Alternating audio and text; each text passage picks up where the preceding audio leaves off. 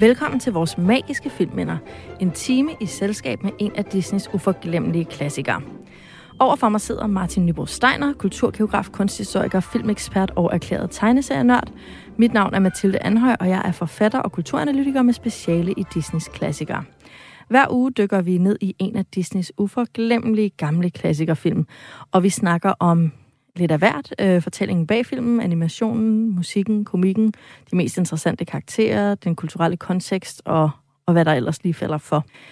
I dag skal vi tale om Mulan fra 1998, den anden sidste film i 90'ernes Disney-renaissance. Filmen bygger på en gammel kinesisk legende om en kvindelig kriger, der tog sin fars plads i hæren ved at klæde sig ud som en mand. Måske den første ikke-komiske, transkønnede øh, karakter her i Disney-kanonen. Vi har jo virkelig haft mange, du ved, Timon og Pumba, og der er også i Skønheden og Udyret, og Robin Hood. Og, Robin Hood. Der er generelt mange komiske, hvad hedder det, transkønnede udklædningsting. Mm. Her har vi en seriøs en. Ja, det er jo interessant, fordi det, altså, hendes sådan maskuline personlighed, som hun udvikler, øh, nu skal vi nok gennemgå plottet lige om lidt, men, men altså, den bliver jo sådan set sat i modsætning til, at hun starter med at fejle som kvinde, kan man sige. Så hun er sådan set meget bedre til at være mand, end til at være kvinde. Ja, øh, eller det bliver hun i hvert fald, når eller, hun øver sig. Ja, ja, ja, ja, netop. Ikke? At den der modningsproces, hun gennemgår, er som, som mand. Er som mand. Ja. Øh. Og i den her film, jeg kan allerede sige nu, at jeg er først og fremmest interesseret i den her Mulan-karakter, fordi hun har det her, hun er halvt klassisk Disney-prinsesse, og så er hun halvt øh, totalt revolutionerende transgender queer øh, karakter. Mm. Og øh, der er ikke noget i verden, der er mere konservativt end Disney-prinsesse. Nej, nej. Så bare den kombination, synes jeg er vanvittigt fed at sidde og, og følge og se på, fordi der er mange ting, der ikke hænger sammen. Mm. Og det er, jo, altså, man siger, det er jo også godt, fordi det her er en af de her, en af de øh, Disney-film, hvor det faktisk er hovedpersonen og titelkarakteren, der er den mest interessante karakter. Ofte oplever vi jo, at det er skurken, der er den mest interessante, eller måske en af de sådan... Sidekick. En af sidekick, en af de sådan, store biroller, der i virkeligheden er den, som man husker. Og det er det ikke her. Selvom, øh, altså man kan sige, Disney-koncernen gjorde meget for at få øh, den her dragemusu markedsført, som om det var den nye genie, når man så er det ligesom Mulan, der står tilbage som karakteren, øh, som det. man husker. Ikke? For hun er jo det, det mest nyskabende i filmen, og hun er også det mest, altså det, der rører en mest. Hun er og det, hun der... har faktisk en personlighed, i modsætning til ret mange andre af, ja. af Disneys hovedpersoner, som ligesom bare enten er god, eller er et eller andet såret, eller har en eller to karakteristika, så har hun faktisk en personlighed og gennemgår en reel udvikling og sådan noget. Ikke? Ja, og det her med, at hendes karakteristika er problematiske i en setting, men altafgørende i en anden setting. Mm. Ikke? Øhm, ved du allerede nu, hvad du vil ind på i løbet af dagens udsendelse, Martin? Jeg kunne godt tænke mig sådan at snakke lidt, nu er jeg jo, nu er jeg jo manden i det her program, så derfor skal jeg selvfølgelig være mig, der gerne vil tale lidt om krigsstrategi, fordi altså, altså noget af det, som, som jeg synes er lidt underligt. Yes. Altså, hvad, hvad Kinesisk er det, den her, krigsstrategi. Altså, hvad er det egentlig, den her konflikt ligesom handler om? Altså, hvad er det sådan storpolitiske element i, øh, i filmen? Jamen, altså, da kejseren byggede muren, udfordrede han Janus styrke. Ja. Det siger han jo selv. Jamen, det, undskyld, så, der, så ved jeg ikke, hvad jeg skal snakke Nej, om. okay. Nu, nu er det okay. løst. Jamen, det skal vi helt sikkert ind på. Ja, og jeg vil bare snakke om Mulan hele tiden, så øh, det skal nok blive et spændende program. Mulan og krigsstrategi. Men det er jo også først og fremmest en krigsfilm, og det er jo den første øh, Disney-film, som reelt starter og slutter som en krig, der bliver indledt, og en krig, der bliver afgjort. Mm. Så det er en reel krigsfilm, og, og alle klimaks og alle mulige andre Disney-ting er en krigssetting. Det er mm. vildt fascinerende, at de har kunnet lave det. Og som sagt, så starter det jo altså med, at hunderne har indtaget den kinesiske mur, og så brænder og plyndrer de sig altså ellers igennem de kinesiske provinser øh, med kurs mod den kejserlige stad. Og det eneste, der kan stanse hunderherren på det her tidspunkt, det er soldaterne, øh, og heriblandt også en enkelt uovervindelig kvinde.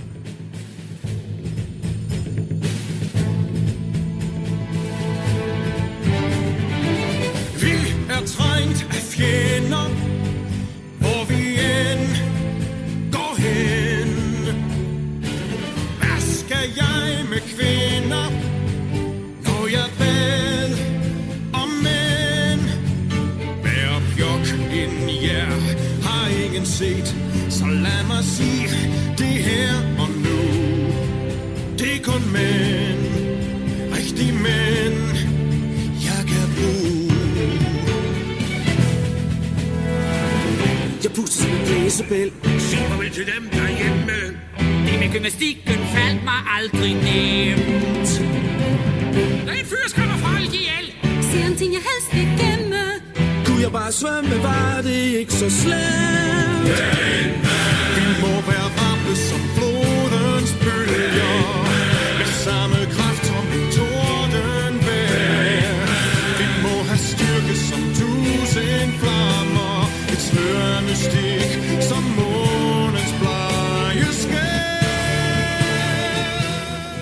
Og så er vi ellers i gang med krigen. Ja. Det er virkelig en god sang. sang. Det er også en utrolig 90'er musical-agtig sang, ikke? Altså, Og derfor er den sindssygt god. det har været en af mine trofaste løbesange igennem tiden. Altså, det er også bare så sjovt, det der, altså, at være en mand i en film, hvor den bedste mand er en kvinde. hmm. Og det, der jo blandt andet bliver listet op som mandekarakteristika, øh, altså styrke, hurtighed, alle de her ting, det er jo også komisk, fordi at de mænd, der så faktisk er med i sangen, vi har Yang, øh, den lave, lidt gamle, lidt øh, sådan falderede, ejet. Havde det været en vestlig kontekst, ville man tænke, han var sådan lidt en fordrukken, øh, tatoveret sømandstype. ja. Øh, og så er der den spinkle, der ikke var god til gymnastik. Så er der den øh, tykke, der jeg ikke kan få pusten, altså som har dårlig kondition. Mm. Altså der er sådan, sådan en række af på en eller anden måde udulige soldater. Og så er der Mulan, som også er udulig på det her tidspunkt, men som overhaler dem alle sammen. Mm. Og det er jo også lidt sjovt det her med, at vi har, du ved, prima maskulinitet i form af, af Shang slash de Rossen. Ja. øhm, at det er ligesom, det er maskuliniteten 101. Og så har vi alle de skvattede mænd, som så er for gammel, for tynd, for tyk, for kvinde. Mm. Altså det er sådan, kvinden er ligesom en, en, øh, en dårlig mand på en mm. eller anden måde, ikke? på linje med de andre. Øh, men før vi dykker helt ned i filmen, er der noget sådan overordnet, vi skal vide? Den tjente penge, den her film. Det ved Rigtig jeg. mange penge, ja. Det gjorde den. Øh, og nu sagde du jo også lige her før, at, øh, at det her sådan er den næst sidste film i, øh, i Disney-renaissancen øh, efter, øh, hvor Tarzan så bliver den aller sidste, og den har vi jo talt om i et tidligere afsnit, og virkelig man må også sige, at det her det er den sidste sådan rigtig gode. Ikke? Tarzan har stadigvæk et eller andet magi, især sammenlignet med det, der kommer efter, når vi træ- træder op i nullerne, men, men det er ligesom her, vi må sige, okay, det her det er, det er afslutningen på en gylden periode, hvor det så til gengæld også simpelthen var blevet spyttet ud klassiker efter klassiker år efter år. Ja. Ja. Og det, der også skete her, det var, at marketingsmaskinen var fuldstændig på plads, ikke? så det, man kan simpelthen gå tilbage, og så kan man finde, de var der simpelthen med det samme. Der var en øh, særlig McDonald's-menu med legetøj, som kom ud med det samme, med sådan lidt pseudo-kinesisk øh, Ja. dipping sauce til sin, ens nuggets og sådan noget, og, og cola-reklamer, og altså hatte og t-shirts, og alt var bare klar, ikke? Ja. Og det har det jo Øh. været med de sidste film her i slut 90'erne. Det var det. Altså, jeg synes, vi skal gå direkte til det, og øh, jeg vil jo gerne starte med Mulans karakter. Øh, vi møder hende i starten, hvor hun jo er den gode datter, øh, som er en øh, Disney-prinsesse-type, vi kender fra helt tilbage. Askepot er også den gode datter, hendes far. Mm. dør så. Men det her med at have den gode datter, og så den på en eller anden måde svagelige far, er noget, mm. vi også har set flere gange, også med øhm, Belle og Maurice i Skønheden og Udyret. Mm. Der er også et element af det i Pocahontas og hendes far, at den her datter bliver nødt til at drage ud i verden og, Mm. hvad skal man sige, finde sig selv eller vågne til død, for at øh, på en eller anden måde redde, eller redde arven fra sin, Mm. øh, sin pensionerede far. Det er jo også meget interessant, og det er jo, det er jo ikke den eneste, men det, normen i disse film er jo det her med de fraværende forældre. Og her er de jo sådan set meget tilstedeværende, og hverken øh, onde eller omsorgsvigtende, eller på, no, på nogen anden måde. De er sådan set, så vidt jeg kan vurdere, rigtig gode forældre til, til, øh, til Mulan, og det giver jo hende måske også en eller anden form for stabilitet i livet. Altså, det er jo ikke engang, fordi de sådan set er særlig fordømmende over for de valg, hun træffer, eller der i starten, hvor hun, hvor hun ligesom fejler sin øh, audition for, for hvad hedder det, kurmageren der. øhm, altså det er i hvert fald faren tilgiver hende ligesom relativt hurtigt, og siger, "Men så prøver vi igen og sådan noget. Ikke? Altså, det er jo ret fedt, fordi konflikten er en intern konflikt i Mulan. Det er ikke, fordi hun skal overvinde en eller anden sådan modstand fra sin familie og fra samfundet, eller den er der selvfølgelig også, men, men den vigtigste modstand er jo inde i hende selv. Inde i hende selv, 100 procent, og det er jo også passer jo til 1998, altså selvfølgelig er den psykologiske udvikling Mm. i højstedet her. Mm. Men forældrene skal jo ud og spille, for ellers kan vores held ikke Nej, nej, nej, klare det sig selv. Og det er jo vildt elegant lavet, hvordan de kommer ud og spille i den her uh, setting, fordi Mulan drager afsted, og moren siger jo selvfølgelig til faren, du må tage efter hende, ellers bliver hun slået ihjel. Mm. Og så siger faren, jamen hvis jeg afslører hende, så bliver hun slået ihjel. Mm. Så det der med, at der, de er bundet på hænder og fødder, Ja. så kan de både være gode forældre, Mm. og samtidig overhovedet ikke hjælpe hende. Ja. Fordi det er den eneste måde, de kan hjælpe hende på. Og så ved vi ligesom, hun er on her own sammen med Mushu. Jeg har tænkt på, jeg, nu taler vi jo tit i det her program om, at vi kritiserer sådan lidt kulturel appropriation, øh, når Jeg vi ser det. det. Øh, der er et sted, der film, hvor jeg måske godt kunne tænke mig en lille smule mere kulturel appropriation, fordi at øh, den her familie, som, øh, som Mulan kommer fra, den hedder jo familien Fa, og de har jo så helt kulturelt korrekt valgt at sige, når man på kinesisk, der har man altså familienavnet først, og så individnavnet efter, i modsætning til på dansk for eksempel, hvor man har det efter, først fornavn og så et efternavn, så er det altså omvendt på rigtig mange asiatiske sprog, og i øvrigt også for eksempel på ungarsk og sådan noget, der er mange steder, man gør. Men det gør jo så, at når de skal omtale Mulan, selvom hun sidder lige ved siden af sin far, så er det far Mulan. Altså, det er meget forvirrende. Det synes jeg er meget forvirrende. Der, altså, hvis nu de bare havde kaldt hende Mulan far. Altså, det, Ja, altså, det havde været vi, nemmere. det, vi er alle sammen vant til, at det er Jackie Chan, og altså, det kan vi godt finde ud af. så, kan ikke tage det der familienavn og sætte om bagefter, så vi andre kan Ja, finde ud af det. Det andet er forvirrende. Især Ej, når men- familienavnet så er far, som betyder noget på vores... Ja, ja, præcis. Men altså, altså, når man er ung og ser den her film, eller lille, så Ja. bliver man så forvirret af det der Ja. far. Men nu som voksen synes jeg, at den kulturelle appropriation fungerer sindssygt godt.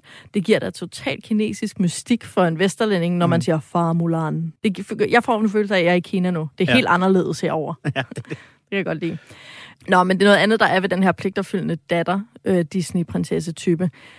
Det er, at øh, hun er tit øh, lidt et misfit i samfundet. Det er jo... Øh, vi ser det jo også i Ariel, hvor hun sådan ikke dukker op til koncerten, og hun er sådan lidt den der vilde søster, og Belle, hun er smuk, bevares, jo jo, det er Mulan også, men hun kan bare ikke finde ud af at være en, en rigtig pige. Øhm, Pocahontas er det samme. Hvorfor kan du ikke bare falde til ro og blive en god kone? Jamen, det kan jeg ikke, fordi jeg er vild og løber rundt i skoven, og med Belle, hun vil læse bøger, og øh, Mulan, hun vil... Ja, hvad vil Mulan egentlig? Altså, hvad er hendes bøger? Det undrer mig Ja. lidt. Man ser hende sådan, tage sådan en skak Mm. move. Altså, så jeg tror, hendes Mulans ting, som ikke er... Altså, det er Hun er stadigvæk ved at finde sig selv, ikke? Og det er jo også det, at hun, altså, hun er ikke klar til ligesom at træde ind i nogen rolle. Og I hvert fald slet ikke i den kvinderolle, som hun ligesom bliver tilbudt. Ja. Og, og jeg tror også bare, det er det der med, at hun, hendes evne er i hvert fald, at hun er idérig. Altså, hun, er- hun finder på ting, ikke? På en eller anden måde. Men øh, Mulan kommer også ind til ægteskabsmaleren, hvor øh, hun så øh, får lov til at lære lidt om, hvad det egentlig er, mænd gerne vil have i en, øh, i en pige. Men kan lide en, der rank og fejlig og uden skavank. Velopdraget, ja og ordnet slank. Bring os ære ikke skam. Og kejser modstår hunderne,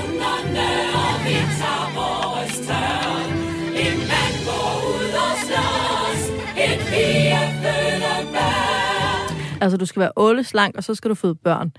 Det kan jeg bare sige af personlig erfaring, det er to ting, der ikke går godt i spænd. Mm.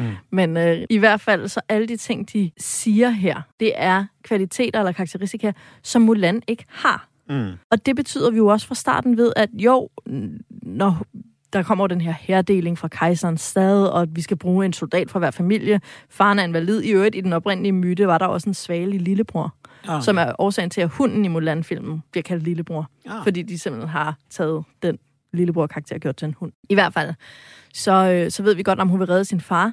Men inden hun får ideen om at redde sin far, der har vi faktisk allerede... Det er jo hendes hen imod motivation, ikke? Hun skal sørge for, at han ikke kommer med i krig og bliver slået ihjel. Men hendes væk fra motivation er jo det her liv som dårlig hustru. Ja. Og det er jo så fedt lavet, at det ligesom det har sit eget liv, og det er tilfældigt, at det lige sker dagen inden. Mm. Men der ved vi ligesom psykologisk, at her har vi en kvinde, der ser frem til et liv som lavest i hierarkiet. Mm. Hun er altså mere tilbøjelig til at flygte mm. og til at sætte sit liv på spil. Mm. Ja, det er jo meget elegant gjort, fordi det er sådan set ikke, altså det er jo ikke, bliver jo ikke, hun siger det jo ikke, det er sådan, nu må jeg redde min far, og så kan jeg jo slippe væk herhjemmefra, men netop Ja. fordi vi lige har set det andet, så ved vi, at hun har den her, den her søgen i sig, ikke? Jo, lige præcis. Nu talte jeg før om, øh, om sådan kulturel appropriation, som, som jeg godt kunne have ønsket, der var noget mere af. Noget, som jeg faktisk synes øh, er, er meget interessant, det, og det passer lidt i forlængelse af det, det, du lige har snakket om, det er, at, øh, at jeg synes faktisk, at øh, filmen på en, på en god og rimelig pædagogisk måde for, øh, for rummet det, at vi ligesom er i en alle, kul- anden kulturkreds, og netop har nogle, nogle værdier, som på en eller anden måde er inspireret af den her sådan konfucianske tankegang om, at man skal at, med pligt og roller og sådan noget, at man har nogle bestemte, øh, at, at, at sådan moral er ikke absolut, den er hele tiden baseret af den kontekst, du er i, og du er nødt til at handle ikke alene ud fra, hvor du er og hvornår du er, men også hvem du er, og sige, du har altså, du, du, du, skal, du skal simpelthen passe ind i den plads, du er, og det er jo noget, de hele tiden taler om, at sige, hvem er du? Og det bliver kombineret godt med, altså, at der, vi har stadigvæk den der vestlige, sådan, man skal finde det er individet, og man skal Find finde sig selv. selv, og alt sådan noget, men konflikten bliver ikke mod den der pligtfølelse, man godt sa- samtidig kan have. Ikke? Altså, det synes jeg sådan set, filmen lander rigtig godt, at den både respekterer, at det her det er et samfund, hvor øh, respekten for forfædrene og respekten for familien og respekten for samfundet er rigtig vigtig, samtidig med, at der skal være plads til det individuelle. Ja, altså jeg ved ikke. Jeg havde nemlig ikke den oplevelse, da jeg sad og så den. Fordi jeg tror, jo, der er noget om det. Det bliver ikke skurkificeret. Mm. Vi, vi sidder ikke og tænker, øh, det var der jo lidt over i Aladdin, ikke? Altså mm. generelt kan Vest godt lide at lave film, hvor vores egne værste sider i virkeligheden er noget, der har at gøre med fremmed kultur. Mm. Det er sådan helt klassisk, at åh, de onde arabiske mørke mænd, der vil undertrykke Jasmin. Mm. Sådan, ja, og alle hvide mænd nogensinde. Og det har vi jo også det her, at det er jo ikke... Altså, det er nemt at lave en film om, at de kine, det kinesiske samfund i oldtiden mm. selvfølgelig var kvinderundertrykkende, men det er vi moderne hvide mænd selvfølgelig ikke. Mm. Øh, mange af de ting, der sker og bliver sagt her, kunne være taget ud af en hvilken som helst øh, vestlig film fra 90'erne. Mm, ja, altså kvindebilledet og så videre. Men øh, jeg sidder og bliver irriteret over, altså og føler, at forældrene er onde. Altså, jeg sidder og føler, at kulturen er streng, og kvindeundertrykkende, og forældrene er onde, og det, altså, det er en umoden reaktion øh, ja. på, fra min side, det ved jeg godt, men jeg får følelsen, så lykkes det så. Altså, lykkes det, når man kan sidde som seer, eller jeg i hvert fald kan sidde som seer, og, og blive sur på pligt, og blive mm. sur på at leve op til sine forældres forventninger. Mm. Altså, jeg bliver sådan helt, jeg vil da skide på mine forældres forventninger. ja. Altså, det er der fuldstændig ligeglad med. Mm. Og lad mig slet ikke komme i gang med samfundets forventninger. Nå, men, men så, så jeg ved ikke rigtigt, om det... Øh, jeg er enig i, at det er det, der er sat op, at vi skal ikke synes, at det kinesiske samfund i oldtiden var ondt. Det er bare, hvad det er. Men måske er det også fordi, at den, der er, den, altså, er mest rigid i det, er jo den, kejserens sekretær. Mm. Øh, ham kommer vi tilbage til. Han er jo også han er sådan Mulans modsætning. Ja. En mand, der på en eller anden måde har kvindetilbøjeligheder, og, og som er ond, hvor Mulan, der har den anden side, Mm, er god. mm. Jeg, altså, jeg tror ikke, det er for meget sagt at sige, at Disney er jo ikke helt hjemme i drag-kulturen og queer-kulturen, men de, de gør et godt forsøg, det vil jeg sige. Og det kan være, at vi skal tale lidt om køn i den her film. Det er jo Mm. også noget, jeg har skrevet ned med store bogstaver. Øh, der er jo bare nogle helt vildt fede portrætter af netop ikke køn som noget medfødt, eller køn som har du tissekone eller tissemand. Men når Mulan skal begå sig i hæren, bliver hun nødt til at opføre sig som en mand. Mm. Og øh, noget, jeg synes er ret fedt, det er, at vi ser jo, filmen starter jo med, at vi ser Mulan faile hårdt Mm. som kvinde. Altså, når hun tager den der pyntekjole på og vifte. Ja, det Altså, kan hun slet ikke finde ud af. Det er kjolen, der Ja, bærer hende, ikke? Altså, mm. Hun kan ikke owne den. Og det samme starter det jo med med, med uniformen. Mm. De første blik, vi har af Mulan i den der uniform, der ser hun jo også meget lille ud i den. Og i løbet af filmen vokser hun meget bedre ind i den. Mm. Men øh, det bliver jo rigtig sjovt, når og Mushu hjælper hende jo også med at sige, nu skal du spred benene, ret ryggen, gå som en mand. Ikke? Men der er jo en masse ting, den måde, hun taler på, hendes kropssprog, de ting, hun siger. Der er så mange ting, hvor at vi ligesom får illustreret, at køn i høj grad, uanset hvad det ellers er, så er det virkelig også noget, man øh, performer. Ikke? Altså, Mm. det er noget, man gør selv. Og det betyder, at hvilket som helst væsen i virkeligheden kan agere mand, fordi det også er en adfærd. Ikke? Mm. Aha, jeg ser, du har et svær. Det har jeg skam også. De er virkelig mandlige og seje. Øh, jeg mener, jeg er ked af det, der skete. Ha, men de ved, hvordan det føles, når manden i en får lyst til at slå et eller andet ihjel. Mm, um, reparere, lave mad over bord. reparere og lave mad over bål. Det er jo også bare en fed parodi, fordi Ja, ja, ligesom vi har nogle parodier på kvindelighed, så det er jo en mega sjov parodi på mandlighed. Og i det hele taget synes jeg, det er jo også noget, som den her film gør godt. Ikke? Den tager sit kvindelige publikum seriøst. Ikke? Ja. At den ved godt, at mindst halvdelen, og for højst sandsynligt mere end halvdelen af publikum, er piger og kvinder. Og derfor, så, så øh, selvom det har siddet og været 95 procent mænd, der har lavet den her film, så bliver det altså faktisk nødt til også at se på mande, kunne se på mandekønnet lidt udefra. Ja. Og det gør de jo blandt andet i den her scene, ved at hun ligesom leger en, paud, en, sådan en kvindeligt baseret parodi på mænd, men også, man kan sige, da hun så kommer ind i den her øh, soldaterlejr, hvor hun får det der, altså også sådan et kvindeligt blik på mandlig klamhed, ikke? Altså, Ja, ja, præcis. Som også er Øh, hvor er de ulækre. Nej, de mænd. Sådan, mændene, jo. der sidder og snotter på gaden og Åh. stanger tænder, og, som, altså, og er ulækre som mænd nogle gange, især når de er i sammenhæng, hvor der kun er andre mænd til stede. Ja, kan når der være, ikke er nogen motivation for ikke at være ulækker. Ja, Men det er det. Og også hele det der med, altså det er jo så sjov en parodi, fordi øh, som parodier jo skal, så virker det jo helt vildt absurd. Og hey, jeg ser, du har et svært. Det har jeg også. De er virkelig seje og mandige. Altså, den samtale finder jo sted hver dag, hele dagen, mellem mænd.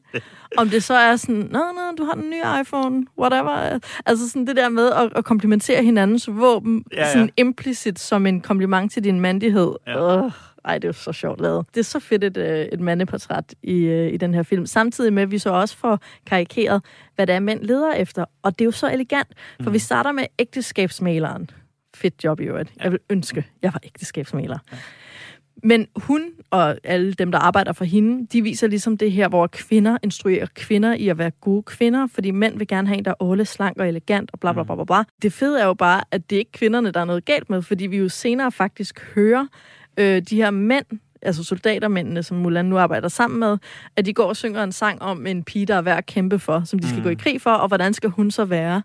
Og den måde, de beskriver, hvordan, det er ikke fordi, de siger, at ah, du skal være elegant og sådan, men de siger nogle ting, der fuldstændig harmonerer med det kvindebillede, vi møder hos ægteskabsmaleren jo. Mm. Min baby siger, jeg er perfekt, at jeg er et kæmpe fund.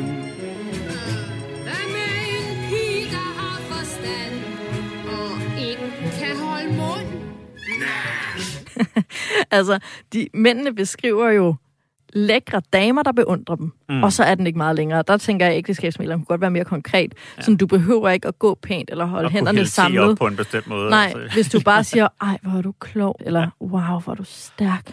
Øhm, men det var så fedt, at det, vi får bekræftet, at det er rigtigt nok. Mm. Altså, der, det er jo ikke kun, det er ikke med lande, der er noget galt med, eller det er ikke, fordi mænd i virkeligheden godt vil have en pige, der har forstand. Det er ikke det, der er tilfældet alle de her mænd går også og drømmer om en kvinde, der er åle, slank og god til at føde børn. Bortset fra den tykke, som drømmer om en kvinde, der kan lave mad. Mm. Det var jo også sådan lidt... Nej, det kan I altså ikke i 1998 Disney. Ja, Sæt Ej, den, tykke... den her lidt tykke, lidt tykke sådan man, man baby Ja, man baby. Ja, der, der er altså noget der. Der, der rammer de altså... Altså, det er ikke fordi, jeg ikke kommer til at grine, men det er et selvhedende grin. ja. ja. Nå, men det er i hvert fald... Øh, det synes jeg i hvert fald er vildt godt lavet med de her forventninger til kvinder. Øhm, og så synes jeg også, det er interessant, at øhm, Mulan har jo ikke ikke femininitet. Hun har bare ikke den der femininitet, som ægteskabsmaleren mm. leder efter. Og øhm, noget, der jo er interessant i forhold til, om det er, sådan, om det er jo det kinesiske samfund i oldtiden eller et eller andet, ikke? det er jo også en fuldstændig beskrivelse af Disney-prinsessen. Mm. Ikke i oldtiden, men i 30'erne, 40'erne og 50'erne. Og der synes jeg jo faktisk også, det, selvom du har ret i, at, at der er et eller andet lidt skævt i det. Altså, altså, det er ikke ligesom i Aladdin, hvor de siger, det er barbarisk, men det er mit hjem. Eller, så der bliver ikke virkelig peget fingre af det. Det bliver brugt som et eksempel på et patriarkalsk samfund, men, ja. der, men der bliver ikke gjort noget ud af, puha, det var, det var godt nok slemt den De var gang, onde men... med deres krumsabler. Nej. Det er ikke der, vi er. Men der er, et, øh, der er den der behagelige afstand, som vi gerne skal have, når vi er lidt for tæt på vores egne fordomme, øh, som helt sikkert spiller med her. Men det er jo også meget interessant, fordi filmen blev også blandt andet lavet som den nu gjorde, øh, med kinesere som helte og med fokus på, øh, på øh, en kinesisk myte og sådan noget, som et forsøg fra Disney på at komme endnu mere ind på det kinesiske marked. Man vidste godt, okay, der bor 1,2 milliarder mennesker, eller meget har været på det her tidspunkt, som øh, bedst kan lide film, de kan forstå, og actionfilm og komedier og sådan noget. Samtidig med, at Disney-koncernen jo så var kommet lidt på kant med, med regimet i Kina, fordi man to år tidligere havde været produktionsselskab for, øh, bag den film, der hedder Kundun, som handler om øh, Tibet, øh, og som den kinesiske regering var meget, meget vrede over. Hvorfor? Øh, så, øh, det er jeg ikke sikker på, at jeg tør omtale på landstækkende radio. Nej. Men i hvert fald, øh, altså, så var der, altså, det var helt klart også en charmeoffensiv over for kineserne, ikke? Så derfor er den helt klart også nedtonet, den der. Altså, det, det bliver ikke kvindehadet eller kvindeundertrykkelse bliver ikke gjort til noget kinesisk. Det bliver måske gjort til noget i gamle dage. Ja, det vil jeg også sige. Og det er jo også forskellen til Aladdin, fordi det er jo også i gamle dage. Ja. Men der får man lidt mere følelsen af, fordi alle taler så moderne. Mm. Altså i Aladdin. Så man har, ikke som, altså man har det ikke så nært, at det er tidsforskudt. Mm. Hvor tidsforskydelsen her med den kinesiske her og hun og herren og sådan... Mm. Man er bare ikke i tvivl. Øh, tilbage til, til Mulan-karakteren, som jeg sikkert vil vende tilbage til hele den her udsendelse. Men øh, hun har jo lidt ligesom Tarzan i virkeligheden, det er, hun har sådan en teknologisk øh, forståelse. Ja. Altså, hun binder den der pind på en hund, og sætter en, altså, hvor hun sætter en, øh, er det en hundekiks, kødben, ja, et eller andet, ja. sætter kødben foran hunden, så den løber rundt, samtidig med, den så får spredt korn ud til hønsene. Det er jo en teknologisk anordning. Ja. Og øh, hun får også skudt raketten i det store slag mod hunderne, regner hun ud, at hvis hun rammer det, den der, det der fremspring på isbjerget rigtigt med en kanon, så vil de blive begravet i lavinen, og mm. alle sammen, i stedet for at de kun får lederen og øh, til sidst i den scene, hvor hun vinder krigen mod hunderkongen, der bruger hun, og det er jo et vigtigt, for der er hun jo i pigetøj lige pludselig. Mm. Og vi får jo helt ekspliciteret Mushroom, der er ingen, der hører på dig, for nu er du en kvinde. Men hun hiver en vifte frem og lader øh, hunderkongen stikke sit svær ind i den, mm. samler den og drejer viften, fordi når man samler en vifte, så er det jo to træpinde, mm. i stedet for øh, tyndt rispapir. Og symbolet ved at tage den eneste våben i gåseøjne, som en kvinde har på sig, viften på det her mm. tidspunkt, og bruge den som våben. Som fordi et rigtigt våben, ja. Som et rigtigt våben, fordi hun kan, øh, hvad hedder det, få afvæbnet sin modstander ved hjælp af den her øh, vifte. Mm. Det er bare så sejt, altså som en demonstration omkring, at femininitet, altså en vifte er jo skrøbelig, Mm. og kvindelighed er opfattet som skrøbeligt. Men hvis du bruger din hjerne, så kan du jo lynhurtigt få set, jamen, hvad kan det så bruges til? Det kan godt Mm. være, det er skrøbeligt rispapir, men hvad er det også? Mm. Og det er jo bare godt lavet. Men selvom hun jo vinder krigen to gange faktisk. Hun er jo øvrigt, Mulan er jo den eneste kvinde, der slår ihjel. Øh, og har også the highest death count af nogle Disney-helte, fordi hun ligesom slår basically hele 100 her ihjel, ja, det med undtagelse af nogle hundredvis, hvis ikke tusindvis af soldater. Ja, det er altså godt lavet, Mulan. Og det er jo øvrigt, at kvinder må jo ikke være aggressive, eller på nogen måde gøre skade på nogen. Og det startede jo allerede med Ariel, altså i 1989, da Disney-renaissancen startede, der begyndte de kvindelige hovedpersoner at være aggressive og morderiske. Mm. Ariel hiver Ursula i håret. Øhm, Belle får mest bare hævet lidt i Gastons arm, men Esmeralda slår helten i hovedet med en sådan, lysestage, jernlysestage, og altså lige så stille bliver aggressionen vildere og vildere, og her i 1998, der får vi simpelthen lov til nok udklædt som mand, men har en kvinde, der simpelthen slår tusindvis af mænd ihjel. Så bliver man jo helt glad. Men det sjove er, at selvom hun vinder den her krig, øh, så får hun faktisk typisk som kvinde ikke æren for det. Du tog min sejr fra mig! Nej! Det gjorde jeg. Altså, hunderkongen tror, at det var Jean, Mm. der tog sejren fra ham. Og kun fordi Mulan tager sin sko af og kaster den i hovedet på ham og råber, at det var hende, der præsterede det, mm. får hun faktisk æren for det, hun har gjort. Det tror jeg er en helt bevidst øh, konklusion fra Disney om, at kvinder simpelthen ikke får æren for deres præstationer Mm. i oldtidens Kina.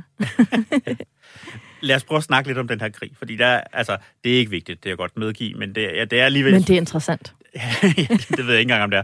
Men det, er- jeg synes i hvert fald, det er påfaldende, når man ser den, at det er sådan, altså på en eller anden måde, så at skurkene bliver jo, hunderne her bliver jo gjort meget monsteragtige. Altså, de er ja. godt nok teknisk set men, mennesker, men de er tegnet som, som umennesker, ikke? Altså, de er virkelig, de er Gule virkelig øjne. Gule meget øjne, lyd. nærmest hugtænder og sådan noget. Ja. Og de har jo heller ikke nogen motivation, ikke sådan rigtigt. Nej. Altså, det, som du netop siger, at det, det vi får at vide af hans motiv- motivation, det er, at altså, jeg, jeg angreb Kina, fordi jeg kunne, eller fordi de, de sagde til mig, at jeg ikke måtte, ikke? Ja, præcis. Øh, og det er sådan set den eneste motivation, og det er jo, det er jo normalt ikke sådan en krig, i hvert fald mellem, mellem lande starter.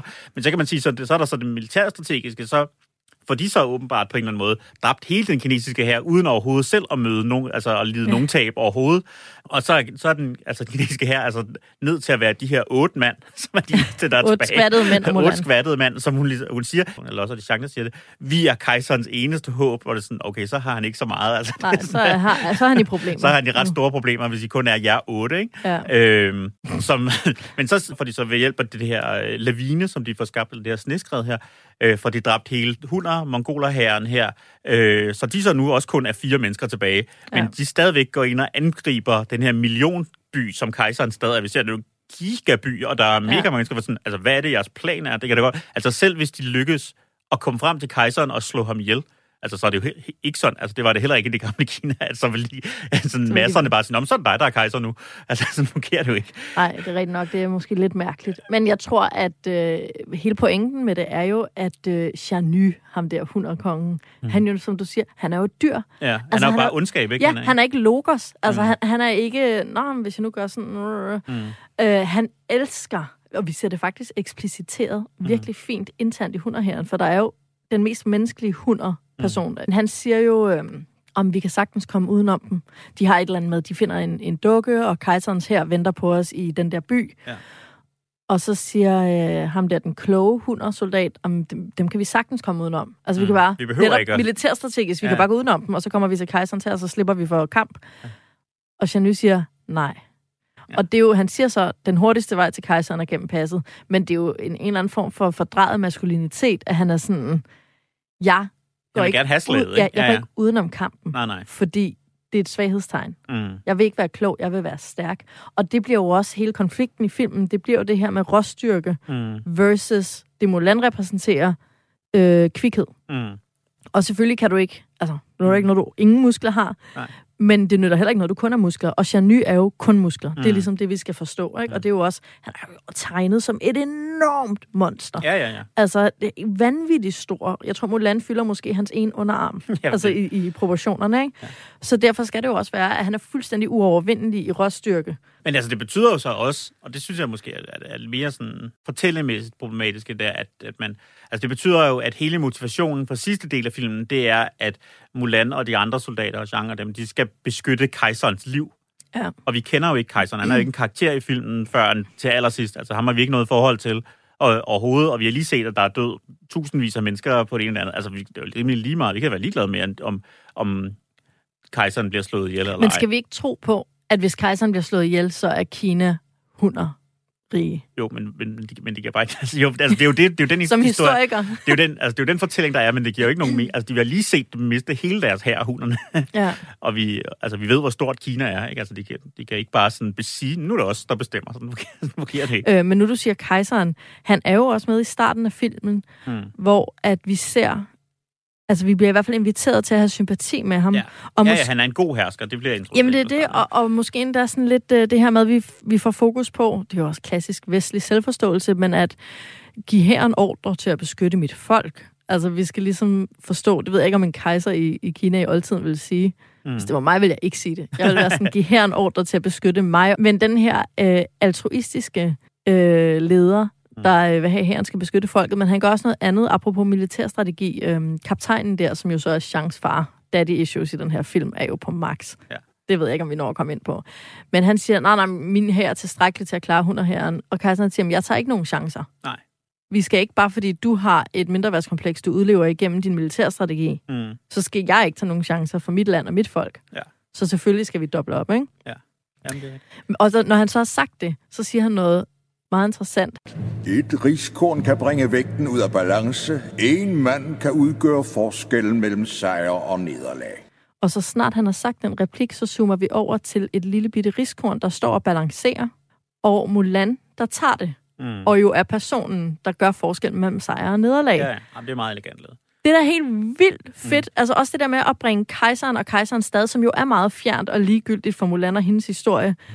Men at få det bragt sammen, fordi hvad hvis den her ene person er særlig begavet, Ja, mm. ja. ikke? så har du altså vundet krigen. Det er det. Det er altså godt lavet. Så det er meget sjovt nu, at Mm. nærmer vi os sådan slutningen. Vi har faktisk overhovedet ikke talt om, øh, om Mushu endnu. Og det, er jo Nej. ellers, det var jo ellers nok tænkt som, at det ligesom skulle være en breakout character. Det skulle være Ja. ja. sådan, ham, som alle øh, talte om, og den bamse, som alle gerne ville have, og sådan noget. Ja. Øh, og det lykkedes vel heller ikke helt. Nej. Altså, jeg synes, øh, altså, de ville utrolig gerne have, at det skulle være, han skulle være Timon og Pumba, han skulle være Genie i et, og man havde fået Eddie Murphy ind til at lave... Øh, til at lave stemme på engelsk i hvert fald, og, og i Danmark har man så fået den danske Eddie Murphy, Jan Gindberg, til at gøre det tilsvarende. øhm, Hør her, du må bare... Ja, du må lære ikke at, at lade dig gå på. Jeg synes, han gør det vildt godt. det er fint, det er fint, og det er sjovt, og der, når replikkerne er sjove og sådan noget, og alligevel så er det, altså, i virkeligheden, altså, Mushu kunne meget bedre undværes i den her film, end Genie kunne i Aladdin, for eksempel. Det er rigtigt nok, det er rigtigt nok. Men, men forsøget er der jo. Altså det her med, at Genie har sin egen storyline, at han skal være fri mm. af lampen, og at det bliver det mest rørende øjeblik i filmen. Og derfor vinder han også bare filmen, og bliver mm. det, der overlever fra filmen og showstileren. Men Mushu er jo, øh, jeg har jo før talt om, at de her Disney-prinsesser har jo altid nogle kæledyr, som skal spejle deres vigtigste karakteristika. Mm. Snevide har de hvide duer, fordi hun er sådan uskyld og sådan snehvid renhed og sådan noget. Ikke? Øhm, og det fortsætter op igennem, indtil altså, den fjollede Ariel, hun får den der tumle og sådan noget. Men øh, Mulan har jo Mushu, som får at vide af forfædrene. Han, altså, han er jo en præcis spejling af Mulan. Han er ikke god nok. Mm. Han er ikke en rigtig skytshelgen, skytsånd. Mm. Han er ikke en rigtig drage. Han, Han er, en ikke en lille, rigtig lille drage. drage. Ikke? Han er ikke en rigtig drag. Hun er ikke en rigtig kvinde, hun er ikke en rigtig mand, og vi har jo også hele spejling af Mulan. Først klarer hun så dårligt som kvinde, ups, så klarer hun så dårligt som mand. Men i mandeverdenen emancipater hun sig selv. Den. Ja, hun excellerer, ikke? Og- Ja, hun excellerer præcis. Ja. Og det samme med Mushu. Og vi har også det her med, at de jo begge to små og spinkle, mm. Men de er fyrige. Ikke? Ja. Altså, han har ild. Altså, alt andet lige kan Mushu lave ild og redder dagen ved, at Mulan sådan strækker ham ud som en elastik, så der kommer ild ud af munden på ham. Og det er jo et billede på Mulan, at hun er fysisk underlegen, men har den her indre ild Mm. øh, i form af sin åndsrigdom. Ikke? Mm. Jeg synes egentlig også, det fungerer meget godt med, at man, hvis man går tilbage, så kan man se, at sådan, i mange tidligere faser af udvikling af den her historie, så kunne man se, at der var meget diskussion frem og tilbage mellem, om øh, Mulan skulle have netop en drage som sidekick, eller den her øh, heldige øh, bille, Loppe. eller en loppe, eller hvad der er, insekt. Øh, og hvor man jo så endte med en, øh, en meget salomonisk løsning, hvor man havde begge dele med, og de ligesom har fået hver sit Hvad sin sådan, rolle? hver sin rolle, ikke? Og, Ja. og, og, og det fungerer også okay, men det betyder måske også netop, at, at Mushu bliver lidt mindre dominerende, fordi der er sted, der, altså den her, den, den sjove, det sjove dyr, Ja. som er sammen med, er ligesom delt i flere. Der er også en hest, som også er lidt sjov, og der er sådan, ikke? Jo, jo, jo. Og, men det er jo lidt ligesom, øh, eller jeg ser i hvert fald en, en sammenligning til Aladdin med tæppet og aben, mm. Hvor det vigtige er jo, at tæppe og abe kan ikke tale, og det er jo det samme med hesten og loppen i Mulan, mm. Og så har vi så Genie slash Mushu, som er, hvad skal man sige, formanden for er hjælper. Ja, hurtigt snakkende Ja, ja, ja. formand for hjælpegruppen, ikke? Og det fungerer måske bare lidt bedre i, i Aladdin, eller også er Genie bare en... Jeg ved faktisk ikke, hvorfor. Jeg synes, altså, når jeg ser Mulan, Mm. synes jeg, Mushu er lige så sjov som Genie. Ja. Og er jo, altså man kan sige, det er jo, han er jo bedre på den måde, at han er meget mindre bundet af sådan øh, referencer, som ligesom bryder filmens univers. Ikke? Ja. Altså, der er, der er Aladdin, hvis, eller Genie, hvis man nu skal være kritisk overfor ham, og det har jeg ikke meget lyst til. Altså er det jo egentlig noget, noget at han laver alle de her Jack Nicholson Jack impersonations. Nicholson øh, refer- referencer. Ikke? I øvrigt, det der er interessant ved Mushu og Loppen og, øh, og hesten, måske hesten, jeg kan ikke rigtig finde ud af det, men Mushu, han lader som om han er en skytshånd, og Loppen lader som om han er en heldig loppe, mm. og Mulan lader som om hun er en dreng og en soldat. Altså hele det her er jo bygget omkring, at man prøver at være noget, man ikke er, Mm. men så altså, prøver at gøre den løgn til sandhed. Mm. Altså prøver at agere så godt i den rolle, at man faktisk er det, man lader som om man er. Mm. Men det forvirrende er jo, at hesten er jo bare en hest, mm. men det fede er, at Mushu bliver ved med at sige, at det er en ko. Og så til sidst, så siger han, og du er måske en ged. altså det der med, at, at antage, at alle andre også mm. er på en eller anden måde performer som et køn, eller en person, eller et job, som de faktisk ikke er, har. Mm. Ja. Take these lies and make them true somehow, som George Michael så smukt. Fuldstændig. Ja. Og Simpelthen. filmen handler jo også om freedom. Ja, det er rigtigt.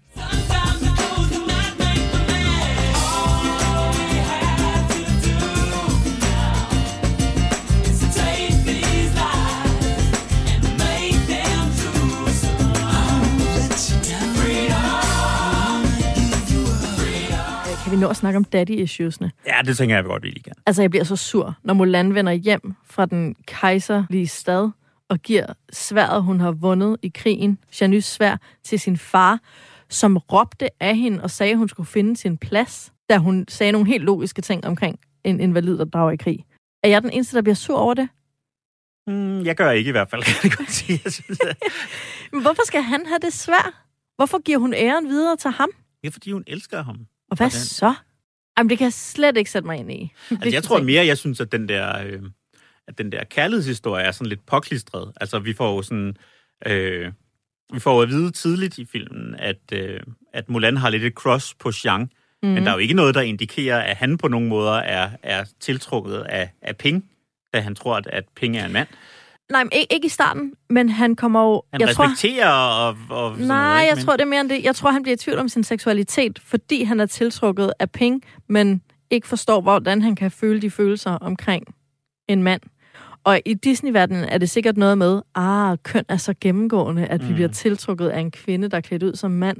Men hvis man var lidt mere queermodig, så kunne man jo også sige, ja, eller også... Han forelsker sig i en person, ikke? Ja, præcis. Simone de Beauvoir vil nok sige, jamen han er da bare forelsket i, i den der øh, opfindsomme øh, type, Mm. mm. som han har mødt der. Ja, men jeg synes, altså det ved jeg ikke, jeg, jeg, jeg ser det ikke rigtigt. Altså jeg kan godt se, hvad du mener, men jeg, jeg ser det bare ikke rigtigt i den måde, han er sådan spillet på, at, at der er sådan en, ja, der er den her for- forelskelse, og netop heller ikke den der, den der tvivl om, hvad er det her egentlig for nogle følelser, jeg føler. Altså, det, Mm. det, det ser jeg slet ikke. Det har måske været en meget voksen tilgang til, til stoffet, men det kunne måske godt have været med. Men jeg, jeg, jeg tror egentlig hellere, jeg ville have været, have været sådan udenfor, eller måske netop sige, når man så starter vores kærlighedshistorie nu her, ikke? Ja, i stedet Altså, for. nu det hvor han ser også- hende uden for klædningen, så, så, så, så tænker han, okay, måske er, der, er jeg også interesseret i noget andet, men... Ja, men, eller, åh, oh, thank god, jeg var ikke homoseksuel. ja, lige, ja. Reddet på målstregen, som jo lidt er det. Altså, det er det, Det den, jeg tror, er? Disney Ja, ja. siger. Altså. Mm. Men øhm, det er jo også skide irriterende, undskyld sproget, at filmen den kunne have sluttet med, at Mulan, altså hele Kina, bukker sig for Mulan. Mm. Og så slutter den fandme med, at ikke bare tager hun hjem og giver sin ære til sin far. Nej, nej. Den slutter med, at Shang følger efter hende, og nu kan hun endelig blive en hustru og Ja. ja. sådan forfyldes, eller hvad hedder det, opfylde sin kvindeskæbne Mm. ved at blive siger- hustru og mor. Ja. Altså, og, og kejseren siger, vil du ikke sidde i mit råd? Hun behøver ikke engang være i krig. Hun kan sidde og lave alt det sjove. Krigsstrategien, som Ja. ja. du siger. Og hun vil ikke have en plads i rådet. Og fint nok, hun savner sin mor og far, men hun kunne vel for fanden... Altså, nu ved jeg godt, at man ikke havde fly på det her tidspunkt, og Kina er et stort land. Men jeg synes ikke, det giver nogen mening, eller det irriterer mig med alt det fede arbejde, de gør i Mulan-filmen. Mm. Altså omkring køn, omkring... Fordi de får jo både sagt, okay, men alle de her kvindekarakteristika, det er altså ikke det, det er at være kvinde. Altså, Mm. det er jo bare nogle kulturelle ting. De får også sagt, at mange af de der krigsegenskaber, sådan ildhu og styrke og snarrådighed, Mm. det er heller ikke mandet. Altså, det, at de får afkønnet mange vigtige ting, og derfor har vi en større frihed i forhold til, hvordan vi opfører os, og hvilket køn vi er, og køn er noget, man skaber også, og sådan noget. Mm. Alt det bliver på en eller anden måde bare pisset på, når vi skal have den der slutning med orkidétræet og blomster, og du ved, så bliver hun hustru og mor, og Mm altså, jeg var... det er, og det er virkelig, altså det er jo disneyficering i den dårlige ud, udgave af, af betydning. Det er, er. at alle historier skal være en kærlighedshistorie, Ja. ikke? Og det er Men den det er ikke, jo fordi det ikke må være der. Jeg synes, det er super fedt, når Shang tager øh, blusen af, og Mulan er sådan, hommer der, hommer der, hommer der. altså, det, det er genialt lavet, og det er realistisk, at hun Mm. mm. står der og er klædt ud som mand og skal være soldat, og så er der bare lige en eller anden... Altså, det er jo så sjovt, og det er Mm. så realistisk, at hun synes, han er en hottie. Men lige præcis ægteskab, som Mm. hele filmen starter ud med at sige, det her er et problem. Ja. At hun så skal opfylde det. Så er rigtig irriterende. Nu sluttede vi jo på et øh, for mit vedkommende irritabel øh, note. Men øh, det er blevet tid til at gøre Disney-regnskabet for Mulan op, og øh, hold kæft, var der meget godt i den her film. Ja, er- øhm, der. jeg havde i hvert fald, der var mange klimakser for mig. Vi vil- udvælger jo Disney-klimaks, der hvor vi synes, at der er der bare allermest magi Mm. mm. øh, i den her film. Og så skal vi også se, om der er en tokrummer. Det er der helt sikkert, for hver gang Disney er i en, i en ikke-vestlig kultur, så er det altid lidt akavet. øhm, så det kan vi helt sikkert godt finde. Og så skal vi selvfølgelig give nogle forkyllinger. En masse forkyllinger, tænker jeg. Ja, det tænker jeg også. Jeg Til tænker, at vi kommer op i den gode ende. Det, Ja. det, det fra. Øhm, men lad os starte med uh, tokrummeren. Jeg har allerede været lidt inde på min. Den der tykke soldat, som, som altså, i sig selv, I don't know, hvor tokrummende han vil være, men Disney har en lang tradition for at gøre alle tykke, især kvinder, men også bare generelt tykke mennesker, komiske. Mm. Og, og, Og sådan- afseksualiseret. Ja, afseksualiseret på en eller anden måde, at det er sådan, det tykke æren i, øh, i sværet i stenen er lige ved siden af tyndt æren. Og Mm. de har begge to samme adfærd, men det tykke æren er utiltrækkende i sin seksualitet, og Ja. det tynde æren er tiltrækkende. Mm. Altså, den tykke muse i Hercules, som er sådan, øh, Herculeggerbisken. Øh, Hun bliver også komisk og får den her hoppende, fjollede kvalitet. Og så alle mændene i hæren, tynde, gamle, bla bla, altså alle mændene, selv, selv ham, der er kodet til at være sådan lidt dragagtig, nu fik, mm. har vi ikke snakket så meget om, men sekretær, kejserens sekretær, som er semi-ond og repræsentation for den konservative kvindeundertrykte kultur, Mm. mm. bla.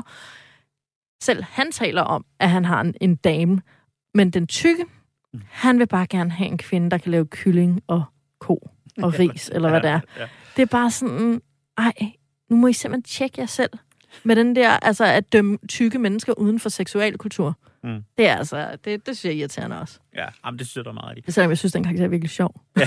Ja, men altså, det spiller jo så også med i en, sådan en, en anden, lige så problematisk sådan tendens, nemlig det her med sådan afseksualisering af, af asiatiske mænd, ikke? Altså, Ja. som jo også netop er her. Og han bliver jo så gjort til en særlig stereotyp. Han er, sådan, han er hår, helt hårløs og Ja. sådan noget, ikke? Altså, han mangler sådan maskuline karakteristika. Og, og står jo sammen med en masse spinkle asiatiske mm. mænd, øh, som også er afseksualiseret. Bare ikke lige så afseksualiseret. Nej. Og så er der ham der Shang, nej ikke Shang, øh, Yang. Det er svært at huske navn, der ikke er ens egen kulturelle sådan, referenceramme. Men øh, den lave, ældre Mm. øh, bad boy soldat. Han er jo den mest maskuline. Han er jo alfahanden. Han hopper også op på klippen og siger, jeg er klippernes konge, og det er der ingen af jer tøser, der kan gøre noget ved. Ja. Ja. Sygt sjov. Men han er jo den her, ja, klamme alfahan på en Ja, ja, anden og måde. står der og, og laver helikopteren foran, Lige foran præcis Mulan, foran, foran de andre drenge. Ej, stakkels Mulan. Ja. Nå, men, øhm, og hun siger jo faktisk også i det møde med de der soldater, åh, jeg skal aldrig se en nøgen mand igen. Ja. Så vi ligesom ved, øh, altså det er har bare ikke sjovt. Men jeg kan jo godt lide, at filmen så tager Shang ind, som Mm. er en mega hottie, altså sygt lækker asiatisk mand. Men problemet er jo bare, at, at han tegnede vestlig. Altså er det, mm. der, er det det, det er? Ja. Min tomkommer, det er faktisk i den scene, vi lige har talt om, nemlig den her badescene, øh, hvor der Altså, for det første er der en replik fra... Øh, jeg ved, jeg kan ikke huske, hvordan den er i den engelske udgave, men i den danske udgave, der siger Ushu slash Jan Gindberg i hvert fald et eller andet. Hun har i hvert fald to ting, som de, som de ikke kan undgå at lægge mærke til. Og sådan noget. Det er lidt klart ja. sagt. Altså, det synes jeg faktisk er sådan lidt... Under den der er det mærkeligt sagt, men så er det i det hele taget også den her... Altså, der er sådan en, en underlig, sådan lidt sådan overgrebs øh, rapey vibe øh, omkring ja. hele den her scene, da netop alle de her mænd springer ud til, og hun står nede og gemmer sig under vandet, for at de ikke må se hendes nøgne kvindekrop, Krop, og de ja. sådan netop altså eksponerer sig for hende, og der ligger sådan, hvad ville der ske, hvis de, hvis de nu så hende? Hvad ville der ja. ske, hvis de opdagede, at hun var en kvinde? Og sådan noget? Altså, der er altså virkelig... Ja. Øh, det er, på, på den ene side er det jo en rigtig... Altså, det er en sjov og meget effektiv scene. På den anden side, så er implikationerne i den er, er, er også voldsomme. Ikke?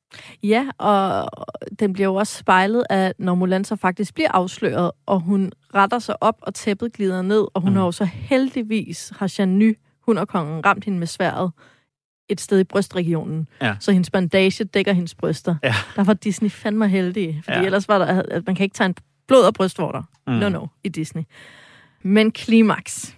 Jeg synes, der er rigtig mange klimakser i den her film, og vi har spillet nogle af dem, som er i sangen og sådan noget. Faktisk synes jeg, at et af de steder, hvor jeg, selvom jeg har set den mange gange, så da jeg så den som optagt udsendelsen her, blev grebet af, hvor velfungerende jeg synes, det er, så er det øh, den kontrast, som det lykkes at skabe mellem, man går direkte fra den sang, vi lige har hørt om, øh, om den her, hvor de taler om deres yndlingskvinder, ja. og så til, at de finder den her udbrændte landsby og nedslagtede her. Ikke? Altså det er, at chokket, som vi får som seere, er lige så stort som det, som karaktererne får. Især, og jeg, og jeg ved ikke, om det er bevidst, men det fungerer i hvert fald, at man når lige at tænke, okay, den her sang, den er lidt lang og lidt fjollet, nu må den egentlig gerne slutte, og så lige pludselig får den en helt abrupt slutning, hvor man går helt over i en helt anden stemning, og, og, og bliver rykket ud af den der øh, fjollede stemning, og tilbage, okay, det er faktisk noget seriøst, det her handler om, de er faktisk soldater, ikke? Og det fede er jo også, at sangen foregår jo mm. i, øh, de går jo igennem sneen, mm. og så mm. ser vi bare den der røde ildhimmel, mm. fordi der er landsbyen er blevet brændt ned, ikke? Mm.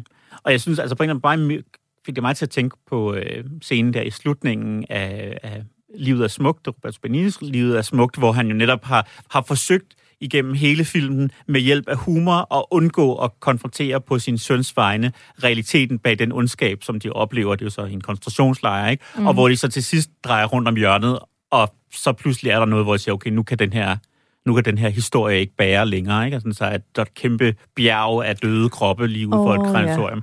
Ja. Øh, altså det, det, det, var, det var den samme ja. fornemmelse ligesom at have at sige, okay, den her, vi, vi, vi er sjove, og måske er vi ikke helt bevidste om, at det er det, vi gør, men vi, vi joker også, fordi vi er på vej til en krig, og pludselig så kan vores sådan, ja. der krigen holder op med at være en forestilling og bliver pludselig en realitet. Ikke? Ja, præcis. Det er virkelig det er et vildt godt øjeblik. Mm. Øh, men, men mit klimaks, den er nok mindre fokuseret på det gode filmøjeblik, og mere fokuseret på et klassisk Disney-øjeblik, som jo er Mulan, eller skulle jeg sige Far Ping, øh, men altså soldatens tilblivelse, mm. som er så meget mere end bare en Mulan-ting. Mm. Øhm, det er efter, hun har haft den her konfrontation med sin mega irriterende, martyr og selvmedledende far. Og hun er gal og ked af det, og hun beslutter, at hun simpelthen vil tage hans indkaldelse til herren og gøre det for ham. Og så river hun et svær ud, og så hugger hun sit lange hår af. Mm.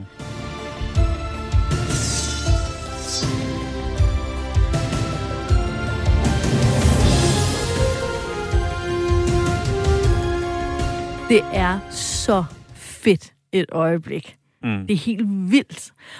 Og det Disney-karakteristiske ved det, det er jo, at Disney-prinsesser har to ting, de skal have.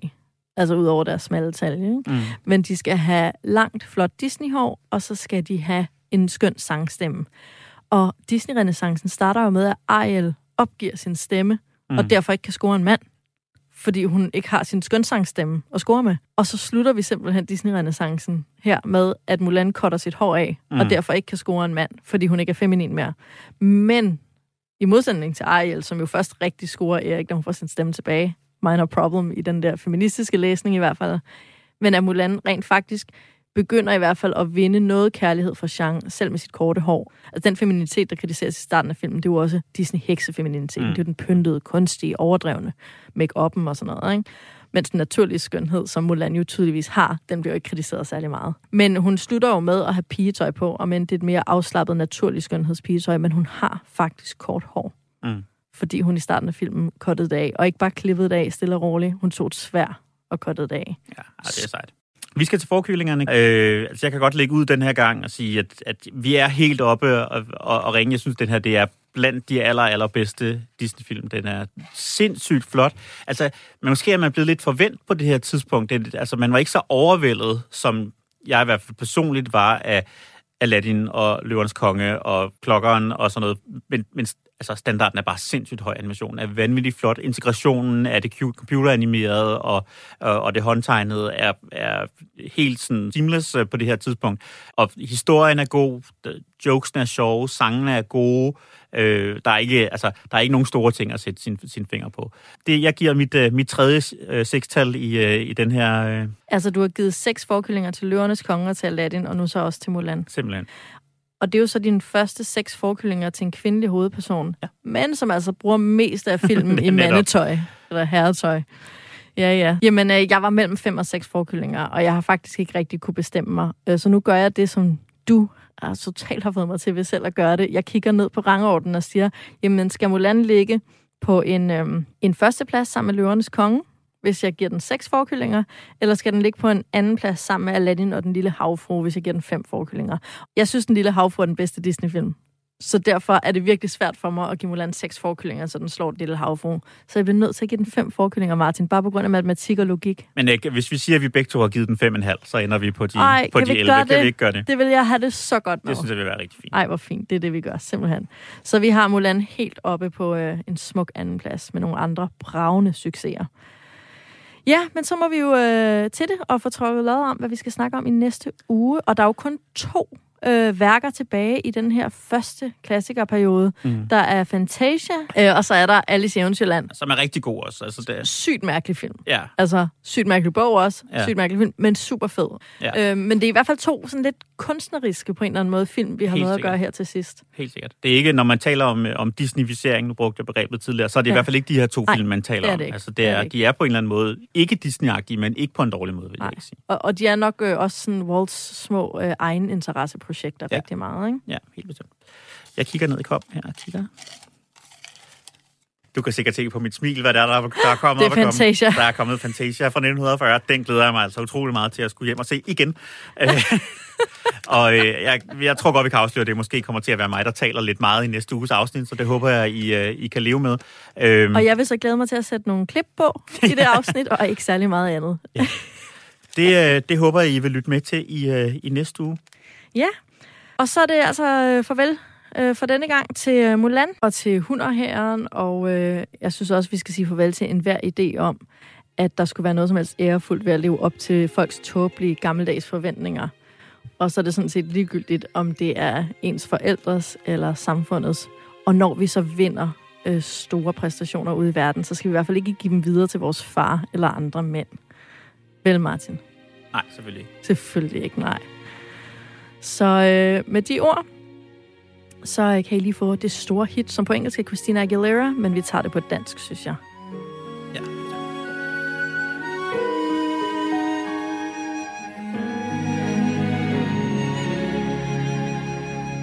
Se på mig Jeg vil aldrig blive den perfekte bror Og perfekte datter Spørger jeg dig Får jeg sikkert